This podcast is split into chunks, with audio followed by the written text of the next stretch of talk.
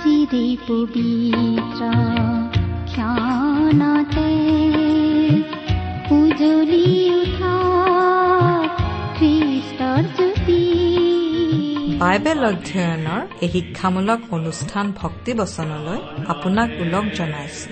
আপোনাক আজি আকৌ লগ পাই আমি বৰ আনন্দিত। আমি চকুৰে ইজনে আনজনক দেখা নাপালেও এই অনুষ্ঠানৰ যোগেৰে এইদৰে লগ পায়ো আমি সমানেই উৎসাহিত হৈছো। এই ভক্তিবচন অনুষ্ঠানটি আপুনি য'ৰে পৰাই নুশুনক ঈশ্বৰ তাতো আছে আৰু এতিয়া মোৰ লগত ইয়াতো আছে। আপোনাৰ আৰু মোৰ মাজত ঈশ্বৰৰ উপস্থিতিয়ে এক সম্বন্ধ ৰচনা কৰিছে। কিয়নো তেওঁ সকলো ঠাইতে একে সময়তে থাকিব পৰা ঈশ্বৰ সৰ্বব্যাপী ঈশ্বৰ। পৃথিৱীৰ এনে এখন ঠাই নাই য'ত ঈশ্বৰ থাকিব নোৱাৰে। এই সৰ্বব্যাপী ঈশ্বৰজনে সকলোৰে লগত থাকি সকলোৰে পৰিস্থিতিবিলাক বুজি পায়। আপোনাৰ বেজাৰ তেওঁৰ আগত লুকুৱাব নোৱাৰে। তেওঁ সকলো দেখি আছে। একো কথাই তেওঁৰ আগত লুকাই নাথাকে। সেয়েহে অন্তৰ খুলি তেওঁৰ আগত গুপুত প্ৰকাশিত সকলো কথা স্বীকাৰ কৰক।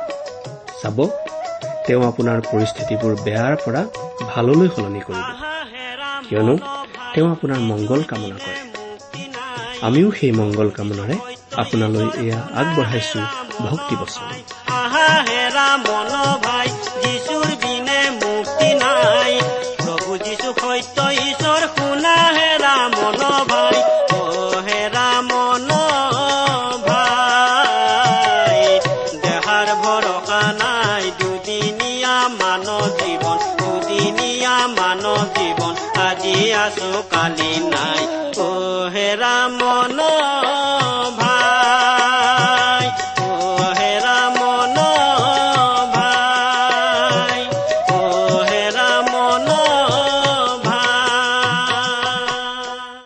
আমাৰ মহান ত্ৰাণকৰ্তা প্ৰভু যীশুখ্ৰীষ্টৰ নামত নমস্কাৰ প্ৰিয় শ্ৰোতা। আশা কৰো আপুনি ভালে কুশলে আছে। লগতে এই বুলিও আশা কৰিছো যে আপুনি আমাৰ এই ভক্তিবচন অনুষ্ঠানটো নিয়মিতভাৱে শুনি আছে। এই অনুষ্ঠান শুনি আপুনি কেনে পাইছে সেই কথা জনাই আমালৈ চিঠি লিখিবচোন। আপুনি হয়তো ভাবিছে আমি এই চিঠি লিখাৰ কথাটো সদায় কিয় কৈ থাকো? নহয় জানো? আচলতে আমি শ্ৰোতাসকলৰ পৰা চিঠি পালেহে জানিব পাৰো আমাৰ এই অনুষ্ঠানটো ৰাইজে শুনি আছে বুলি। লগতে এই অনুষ্ঠানটোৰ গুণাগুণৰ বিষয়েও আমাৰ ধাৰণা এটা হয়। কোনোবাই শুনি উপকৃত হোৱা বুলি শুনিলে আমি কাম কৰি যাবলৈ দুগুণ উৎসাহ পাওঁ। গতিকে অনুগ্ৰহ কৰি আজি এই দুখাৰিমান লিখি পঠিয়াওকচোন। আহকচোন। বাইবেল অধ্যয়ন আৰম্ভ কৰাৰ আগতে খন্তেক প্ৰাৰ্থনাত মূৰ্ণত কৰো। স্বৰ্গত থকা মহান পিতৃ ঈশ্বৰ তোমাৰ মহান নামৰ ধন্যবাদ কৰো। তুমি সৰ্বশক্তিমান সৰ্বব্যাপী সৰ্বজ্ঞানী ঈশ্বৰ। আমাক প্ৰেম কৰোতা ঈশ্বৰ। তুমি আমাক ইমানেই প্ৰেম কৰিলা যে আমাক উদ্ধাৰ কৰিবলৈ তোমাৰ একেজাত পুত্ৰ যীশুখ্ৰীষ্টকেই আমালৈ দান কৰিলা। তেওঁ ক্ৰুচত প্ৰাণ দি আমাৰ সকলো পাপৰ প্ৰায়চিত্ৰ কৰিলে আৰু তৃতীয় দিনা জি উঠি নিজৰ ঈশ্বৰত্বৰ প্ৰমাণ দিলে। আজি তেওঁত বিশ্বাস কৰি আমি পৰিত্ৰাণ লাভ কৰিব পৰা হৈছো আৰু তোমাক পিতৃ বুলি মাতিব পৰা হৈছো। তাৰ বাবে তোমাক অশেষ ধন্যবাদ পিতা। এতিয়া আমি তোমাৰ মহান বাক্য বাইবেল শাস্ত্ৰ অধ্যয়ন কৰিবলৈ ওলাইছো প্ৰাৰ্থনা কৰিছো। তুমি তোমাৰ বাক্য আমাক বুজাই দিয়া তোমাৰ স্পষ্ট মাত আমাক শুনিবলৈ দিয়া। কিয়নো এই প্ৰাৰ্থনা আমাৰ মহান ত্ৰাণকৰ্তা মৃত্যুঞ্জয়ী প্ৰভু যীশুখ্ৰীষ্টৰ নামত আগবঢ়াইছো। আমেন।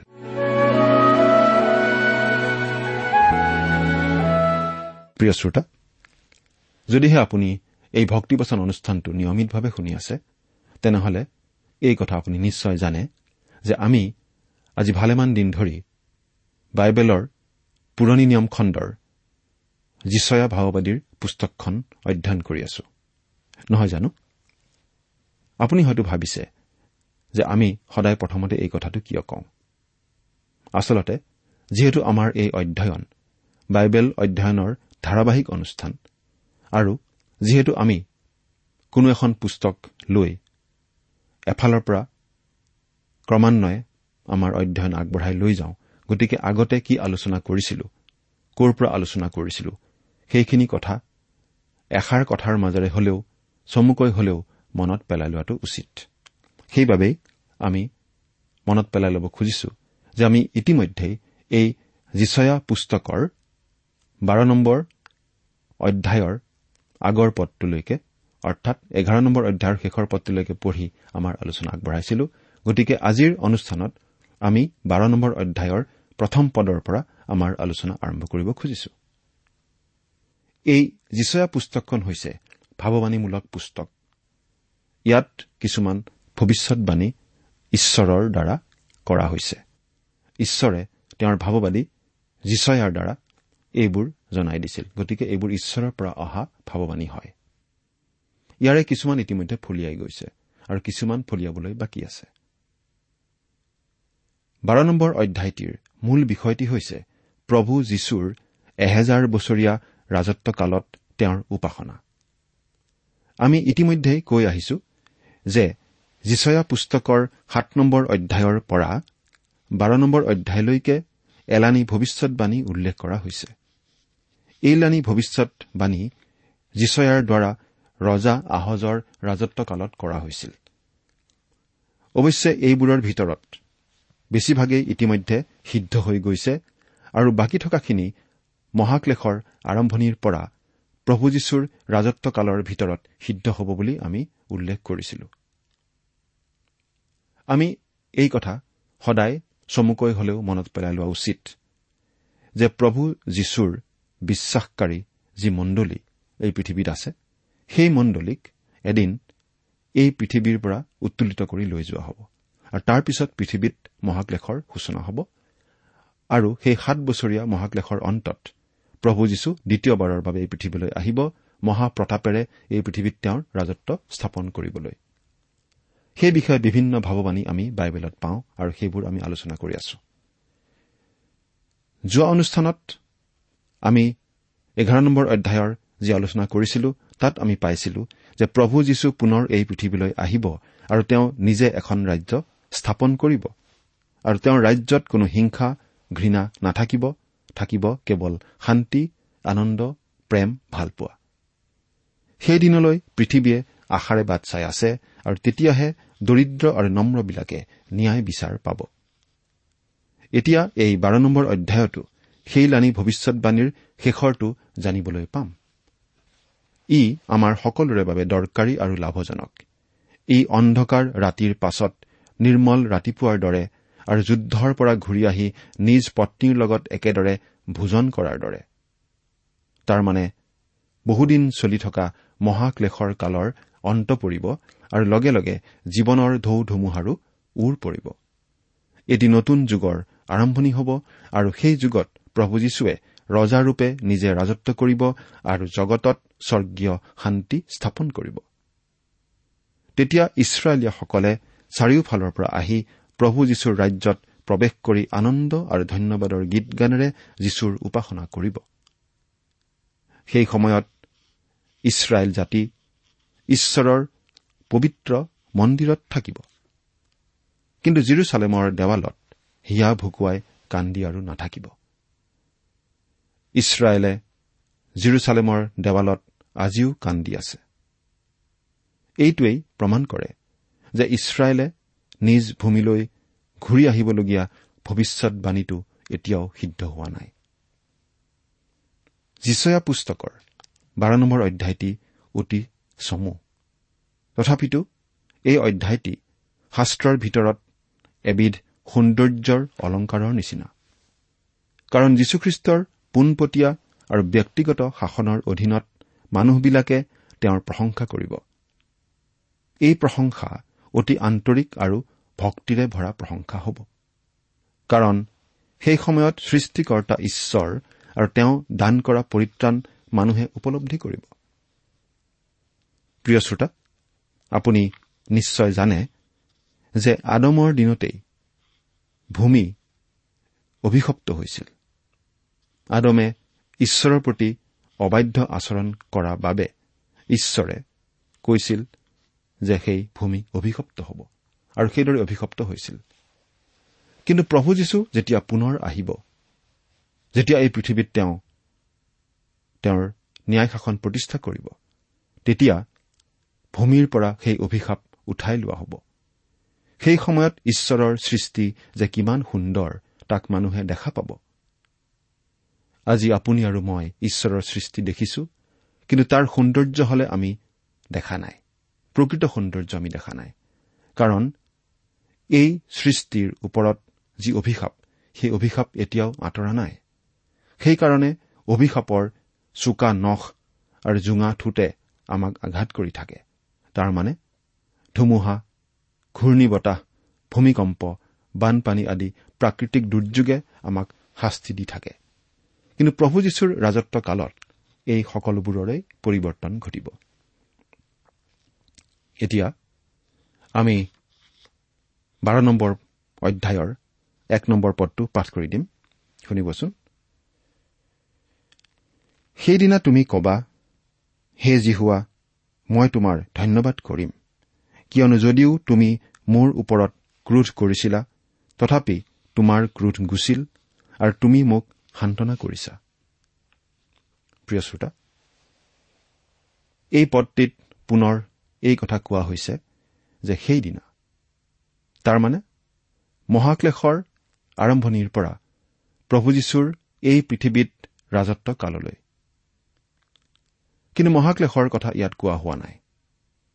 মহাক্লেশৰ অন্যায় অত্যাচাৰ দুৰ্যোগ অশান্তি ইত্যাদি ওৰ পৰাৰ পাছত যেতিয়া শান্তিৰ দিন আহিব যেতিয়া পৃথিৱীত প্ৰভু যীশুৱে তেওঁৰ এহেজাৰ বছৰীয়া ৰাজত্ব স্থাপন কৰিব তেতিয়াৰ ছবি এটি ইয়াত আমাক দিয়া হৈছে। আন্ধাৰৰ পাছত পোহৰ আহিব আৰু পোহৰেই হ'ব মানুহৰ প্ৰশংসাৰ কাৰণ। তাৰমানে প্ৰভু যীশুৰ ৰাজত্বৰ বৈশিষ্ট্য হ'ব প্ৰকৃত আনন্দ। পদ চোৱা ঈশ্বৰ মোৰ পৰিত্ৰাণ। মই ভাৰসা কৰিম ভয় নকৰিম কিয়নো জিহুৱা যা মোৰ বল আৰু গান। তেওঁ মোৰ পৰিত্ৰাণকৰ্তা হ'ল। এই পদটিৰ কথাখিনি মন কৰকচোন। সেই সময়ত মানুহবিলাকে আৰু নকব যে ঈশ্বৰে আমাক পৰিত্ৰাণ দিলে কিন্তু কব যে ঈশ্বৰেই পৰিত্ৰাণ। পৰিত্ৰাণ মানে আচলতে এজন ব্যক্তি। পৰিত্ৰাণ মানে কোনো আঁচনি কোনো পদ্ধতি বা কোনো নিয়ম নহয়। পৰিত্ৰাণ মানে এজন ব্যক্তি আৰু সেই ব্যক্তিজন হ'ল স্বয়ং প্ৰভু যীশুখ্ৰীষ্ট। মানুহবিলাকে সেইদিনা তেওঁক প্ৰশংসা কৰিব।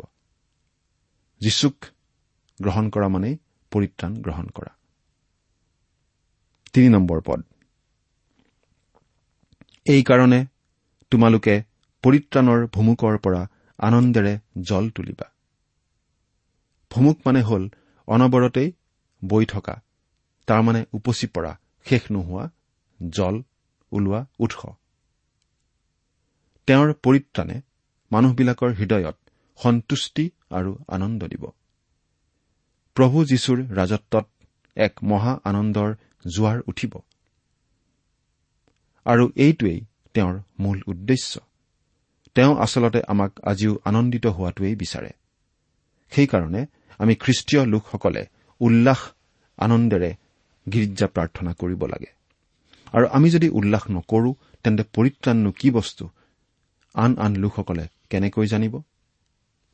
চাৰি নম্বৰ পদ সেইদিনা তোমালোকে কবা জিহুৱাৰ ধন্যবাদ কৰা তেওঁৰ নাম লোৱা আৰু জাতিবিলাকৰ মাজত তেওঁৰ কাৰ্যবোৰ প্ৰকাশ কৰা তেওঁৰ নাম উন্নত বুলি কীৰ্তন কৰা।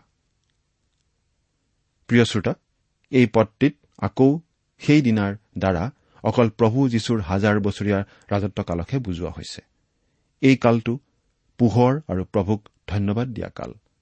কেৱল তেওঁৰ সৃষ্টিৰ বাবে নহয় কিন্তু তেওঁৰ শক্তি পৰাক্ৰম আৰু আচৰিত কাৰ্যৰ বাবেও মানুহে তেওঁৰ প্ৰশংসা কৰিব।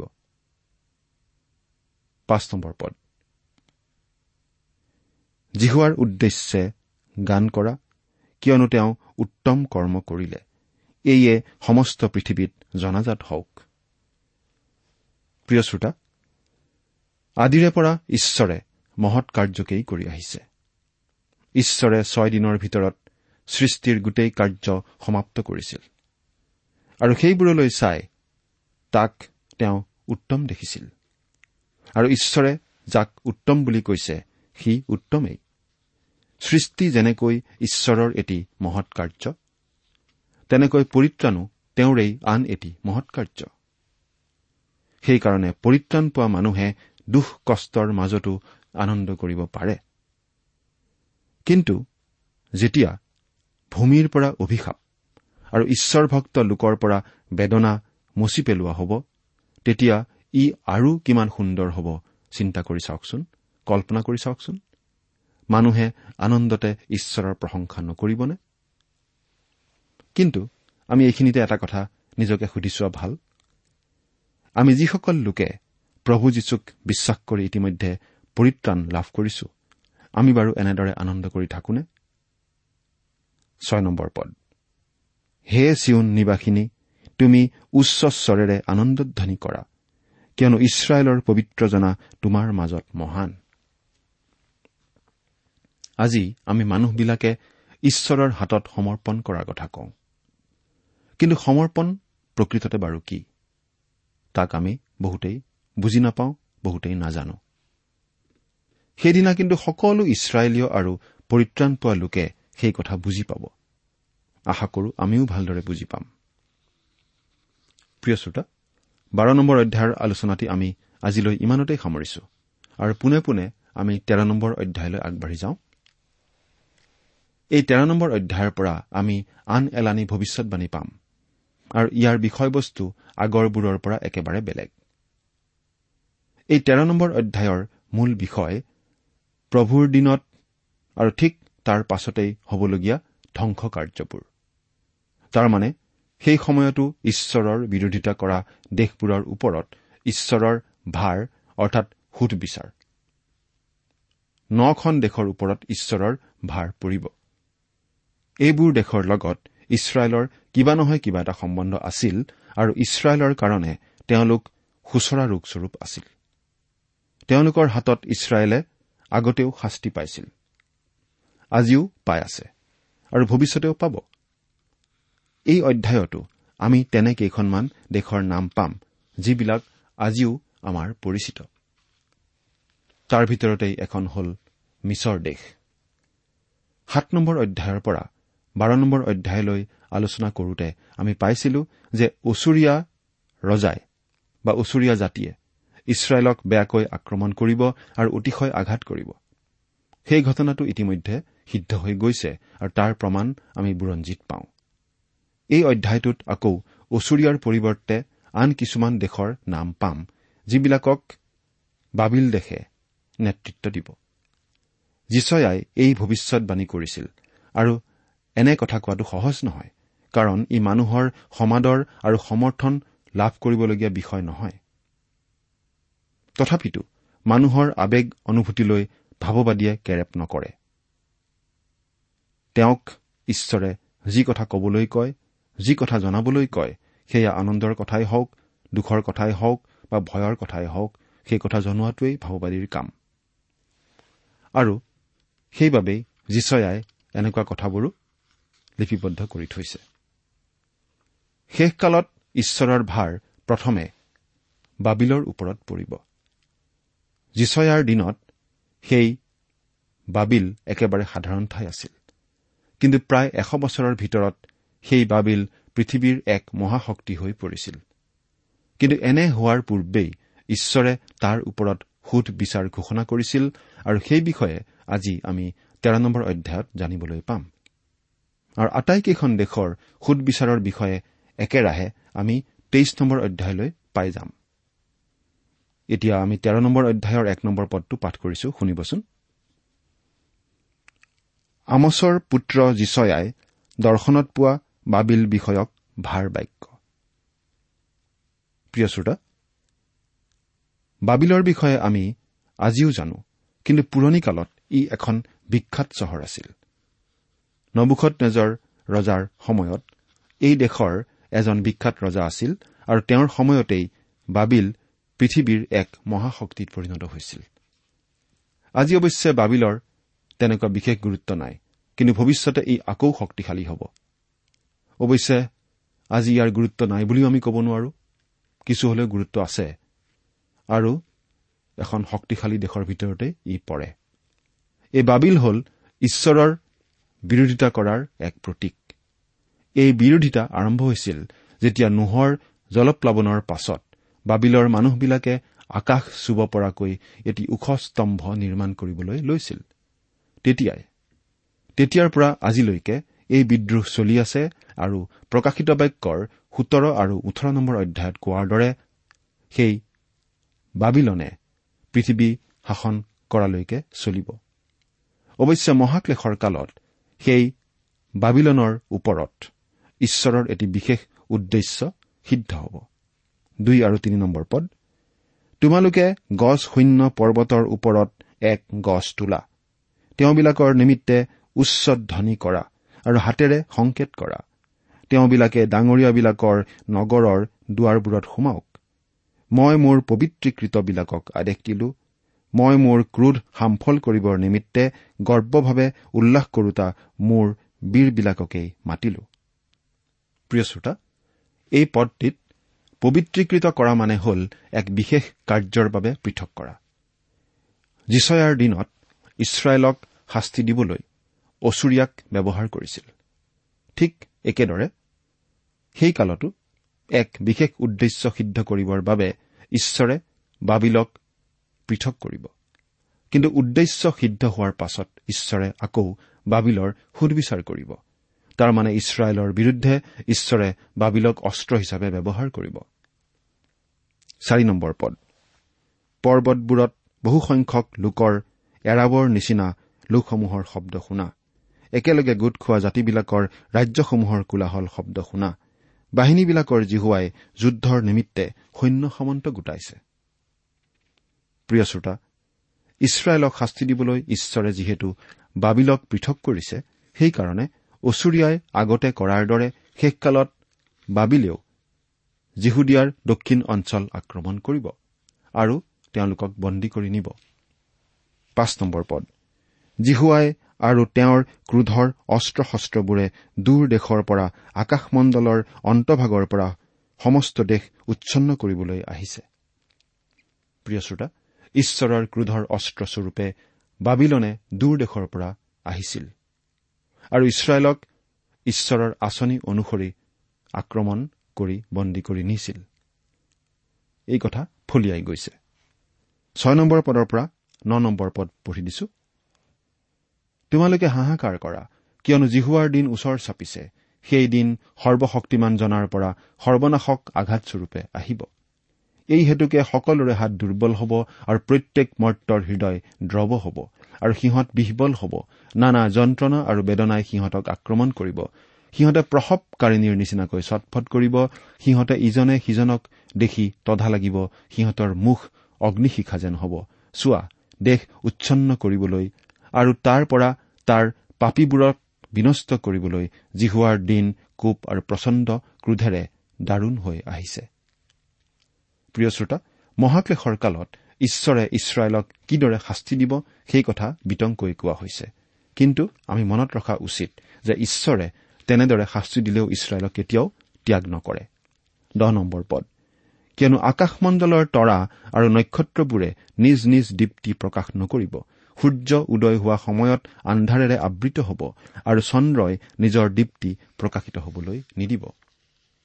মহাক্লেশৰ সময়ত ঘটিবলগীয়া এই ঘটনাটোৰ বিষয়ে প্ৰকাশিত বাক্যৰ আঠ নম্বৰ অধ্যায়ৰ বাৰ নম্বৰ পদত এইদৰে কোৱা হৈছে পাছে চতুৰ্থ দূতে তুৰি বজালত সূৰ্যৰ তিনিভাগৰ এভাগ আৰু তৰাবোৰৰো তিনিভাগৰ এভাগ যেন আন্ধাৰ হয় আৰু দিনৰ তিনিভাগৰ এভাগ পোহৰ নাইকিয়া হয় আৰু ৰাতিৰো সেই ৰূপ হয়। এই নিমিত্তে সেইবোৰৰ প্ৰত্যেকৰ তিনিভাগৰ এভাগ আঘাতপ্ৰাপ্ত হল।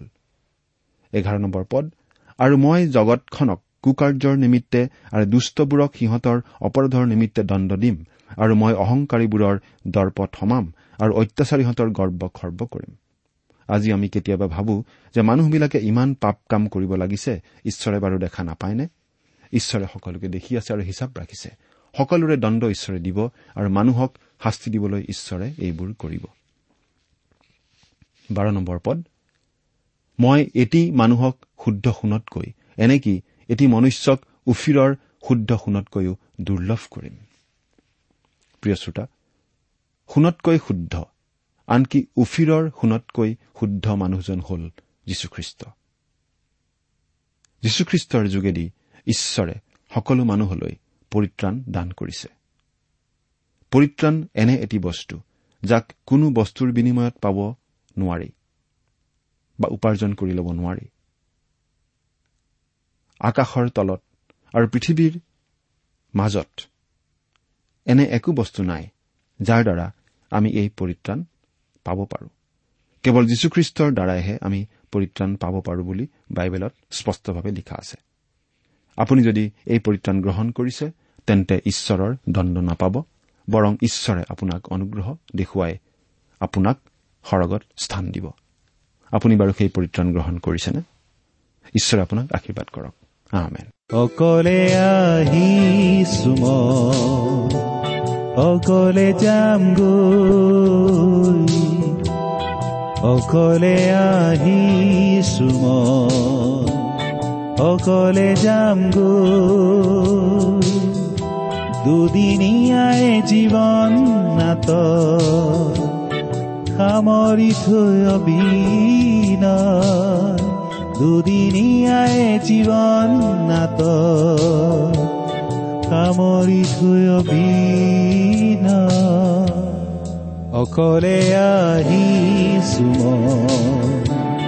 অকলে যাম অকলে আহিছো অকলে যাম ইমান পৰে আপুনি বাইবেল শাস্ত্ৰৰ পৰা ঈশ্বৰৰ বাক্য শুনিলে। এই বিষয়ে আপোনাৰ মতামত জানিবলৈ পালে আমি নথৈ আনন্দিত হ'ম। আমি প্ৰস্তুত কৰা বাইবেল অধ্যয়নৰ চিডিসমূহ পাব বিচাৰিলে আৰু অনুষ্ঠানত প্ৰচাৰ কৰা কোনো কথা বুজিব লগা থাকিলেও আমালৈ লিখক। আমাৰ যোগাযোগৰ ঠিকনা ভক্তিবচন ট্ৰান্সপল ৰেডিঅ' ইণ্ডিয়া ডাক বাকচ নম্বৰ সাত শূন্য গুৱাহাটী সাত আঠ এক শূন্য শূন্য এক। ঠিকনাটো আকৌ এবাৰ কৈছো ভক্তিবচন ট্ৰান্সৱৰ্ল্ড ৰেডিঅ' ইণ্ডিয়া ডাক বাকচ নম্বৰ সাত শূন্য গুৱাহাটী সাত আঠ এক শূন্য শূন্য এক। মায়া ভৰাই সংসাৰতে লোভে মোহে আগুৰি ধৰে। মায়া ভৰাই সংসাৰতে লোভে মোহে আগুৰি ধৰে। জীৱন মৰুৰ মৰিচিকাবোৰ আজি আছে কাইলৈ না। অকলে আহিছো অকলে যাম আমাৰ ইমেইল এড্ৰেছটো হৈছে Assamese T TV at the rate radio' eight eight two dot com. আমাৰ website W W W dot T W R dot in. আপুনি টেলিফোনৰ মাধ্যমেৰেও আমাক যোগাযোগ কৰিব পাৰে। আমাৰ টেলিফোন নম্বৰটো হৈছে nine eight five four zero' four zero' eight eight nine phone নম্বৰটো আকৌ এবাৰ কৈছো ন আঠ পাঁচ চাৰি শূন্য চাৰি শূন্য আঠ আঠ ন। আপুনি এই ভক্তিবচন অনুষ্ঠানটি আমাৰ website W W W dot radio' eight eight two dot কমতো শুনিব পাৰিব। আজিৰ অনুষ্ঠানটি ইমানতেই সামৰিছো। ঈশ্বৰৰ শান্তি আৰু অনুগ্ৰহ আপোনাৰ লগত থাকক। ধন্যবাদ।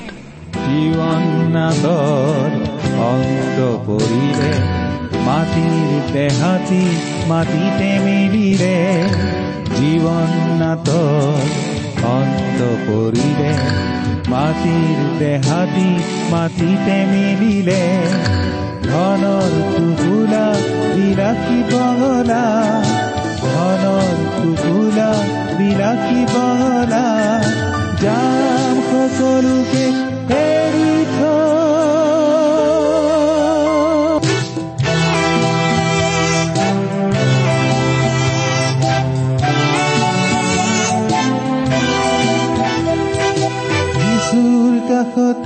সকলো আছে নম্ৰ মনেৰে আহোঁ বিশ্বাসেৰে। যিচুৰ কাষতে সকলো আছে নম্ৰ মনেৰে আহোঁ বিশ্বাসেৰে। তেওঁতে জিৰণি পায় আজি মোৰ মৰণলৈ একো ভয় নাই। অকলে আহিছো অকলে যাম গৈ। অকলে আহিছো অকলে যাম গৈ। দুদিনীয়াই জীৱন নাট সামৰি থৈ অবিন দুদিনীয়াই জীৱন নাট সামৰি থৈ অভিনা